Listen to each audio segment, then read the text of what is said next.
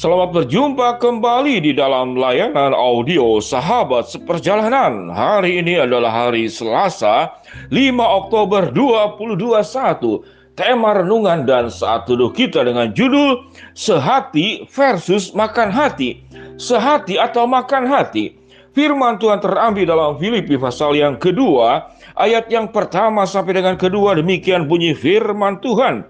Jadi karena dalam Kristus ada nasihat, ada penghiburan kasih, ada persekutuan roh, ada kasih mesra dan belas kasihan. Karena itu sempurnakanlah sukacitaku dengan ini. Hendaklah kamu sehati sepikir dalam satu kasih, satu jiwa, dan satu tujuan. Mari kita berdoa.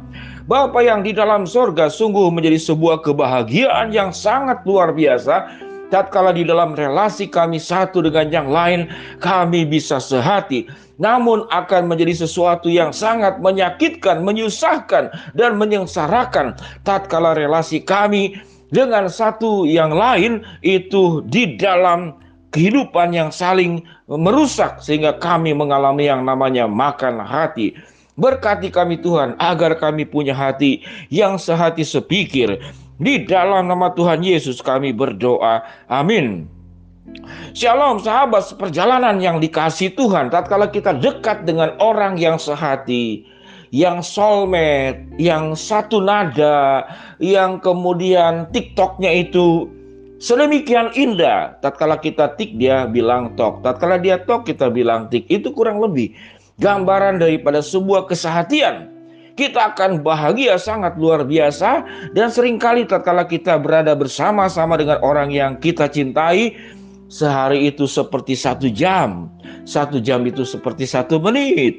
Kalau satu menit serasa seperti berapa? Seperti satu kedipan mata. Waktu yang lama itu seakan-akan sedemikian cepat. Namun kalau kita berada dengan orang yang membuat kita makan hati maka satu jam seperti satu bulan, satu bulan mungkin seperti sepuluh tahun, kurang lebih demikian sahabat seperjalanan.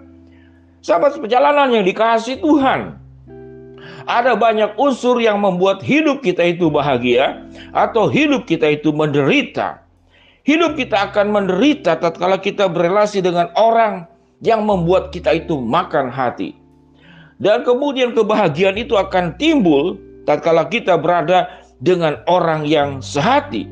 Firman Tuhan mengajarkan jadi karena dalam Kristus ada nasihat, ada penghiburan kasih, ada persekutuan roh, ada kasih mesra, ada belas kasihan. Karena itu sempurnakanlah sukacitaku dengan ini. Hendaklah kamu sehati sepikir dalam satu kasih, satu jiwa, satu tujuan. Sahabat perjalanan, untuk dalam untuk sebuah kehidupan yang sehati bukanlah perkara yang mudah betul-betul bukanlah perkara yang mudah. Pertama kita harus memahami kelebihan dan kekurangan diri kita. Kelebihan kita kita sadari menjadi berkat buat orang lain.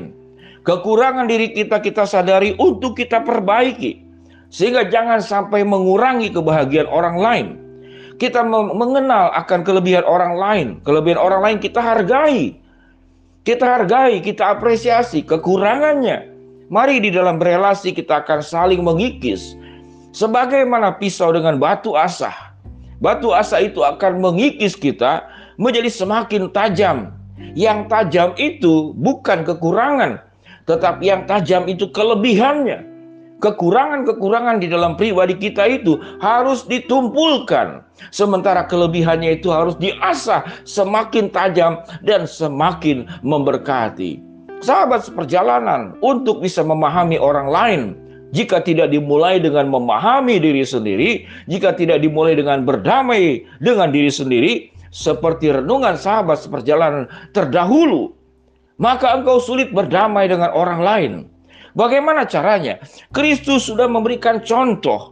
Jangan hidup karena keegoisan, jangan hidup karena untuk puji-pujian, tetapi hendaklah engkau rendah hati Engkau tidak memikirkan kepentingan diri sendiri, tetapi orang lain. Dan di dalam dirimu ada pikiran dan perasaan yang seperti juga terdapat di dalam Kristus.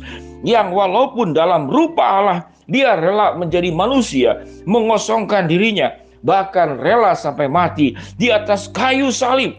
Sehingga kita mengatakan yang ada di langit, yang ada di atas bumi, dan yang ada di bawah bumi mengaku bahwa Yesus Kristus adalah Tuhan. Sahabat perjalanan yang dikasih Tuhan. Allah di dalam segala kesempurnaannya, kekayaannya, kemahakuasaannya, kemahadasyatannya. Dia mau merendahkan hati untuk mencintai dan memikirkan kepentingan kita. Sementara manusia di dalam segala kelemahannya, di dalam segala keberdosaannya, di dalam segala ketidakdewasaannya, di dalam segala keegoisannya, dia tetap mau yang sebagai yang tertinggi dan tidak pernah merendahkan hati. Di sanalah persoalan terjadi. Yang terjadi bukan sehati, yang terjadi adalah makan hati. Di dalam rumah tangga sama, di dalam hubungan adik beradik sama, di dalam dunia pekerjaan juga sama saya mendampingi banyak jemaat-jemaat yang bekerja di dalam dunia kerja baru masuk. Kemudian sharing, dia bercerita bagaimana dunia kerja itu ada ketidakadilan, ada bos yang sewenang-wenang, ada rekan kerja yang pemalas, kerjaannya itu hanya melemparkan tanggung jawab kepada orang lain, datang terlambat, pulang lebih cepat. Kalau ada kesalahan, dia tidak mengaku. Bahkan yang paling parah adalah menjebak orang lain supaya kelihatan menjadi salah. Sahabat seperjalanan sehingga itulah gambaran sikap keegoisan, mementingkan diri sendiri. Kita hidup dengan orang yang egois yang mementingkan diri sendiri. Kita akan makan hati dengan orang seperti demikian. Apalagi orang yang suka mengfitnah. Dia yang berbuat lalu diatur sedemikian rupa sehingga sahabat seperjalanan yang bersalah ini akan makan hati. Sahabat seperjalanan rupanya bahagia tidak hanya bicara tentang kelancaran, tidak hanya bicara tentang materi, tetapi berbicara tentang relasi yang terbangun dengan sehat, relasi yang terbangun dengan baik, dan relasi yang Alkitab katakan sempurnakanlah sukacitaku dengan ini. Hendaklah kamu sehati sepikir dalam satu kasih, satu jiwa, dan satu tujuan. Sahabat seperjalanan, maukah rumah tanggamu berbahagia? Maukah suasana pekerjaan juga menjadi indah? Maukah suasana di dalam berelasi di masyarakat juga menjadi luar biasa? Maukah hubungan orang tua anak terbangun dengan baik? Mertua mantu terbangun dengan baik? Di dalam gereja, di dalam dunia pelayanan terbangun dengan baik. Di dalam hubungan bertetangga, satu dengan yang lain di lingkungan rumah kita terbangun dengan baik. Maka tugas kita tidak ada cara lain, yaitu kita belajar dari keteladanan Kristus. Kita rendah hati, mengosongkan diri, bahkan rela mati sampai di kayu salib.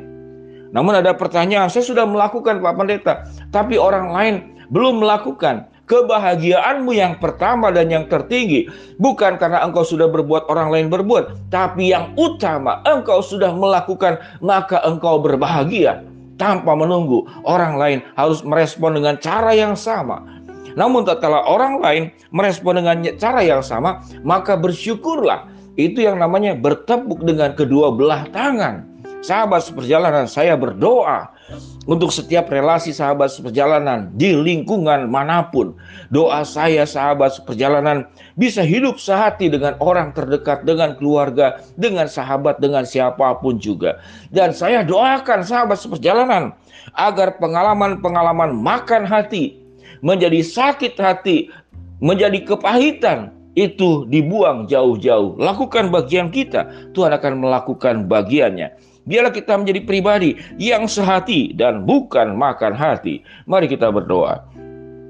Bapa yang di dalam sorga, hamba mau berdoa untuk setiap hubungan yang rusak, yang belum pulih, yang terpisah, yang hancur. Tuhan rekatkan kembali agar mereka bisa sehati dan membuang semua dosa-dosa keberdosaan karena membuat pribadi yang tidak taat kepada firman Allah. Hambamu berdoa buat yang sedang sakit Tuhan jamah sembuhkan. Buat yang sedang menghadapi masalah, kesulitan, pencobaan, Tuhan bukakan jalan. Buat yang sedang memohon, berharap sesuatu, Tuhan akan kabulkan sesuai dengan rencana dan waktumu. Di dalam nama Tuhan Yesus kami berdoa. Amin. Shalom sahabat seperjalanan. Bangunlah relasi dengan sehati dan buanglah relasi dengan makan hati. Dalam nama Tuhan Yesus memberkati perjalanan hidup sahabat seperjalanan. Shalom. Amin.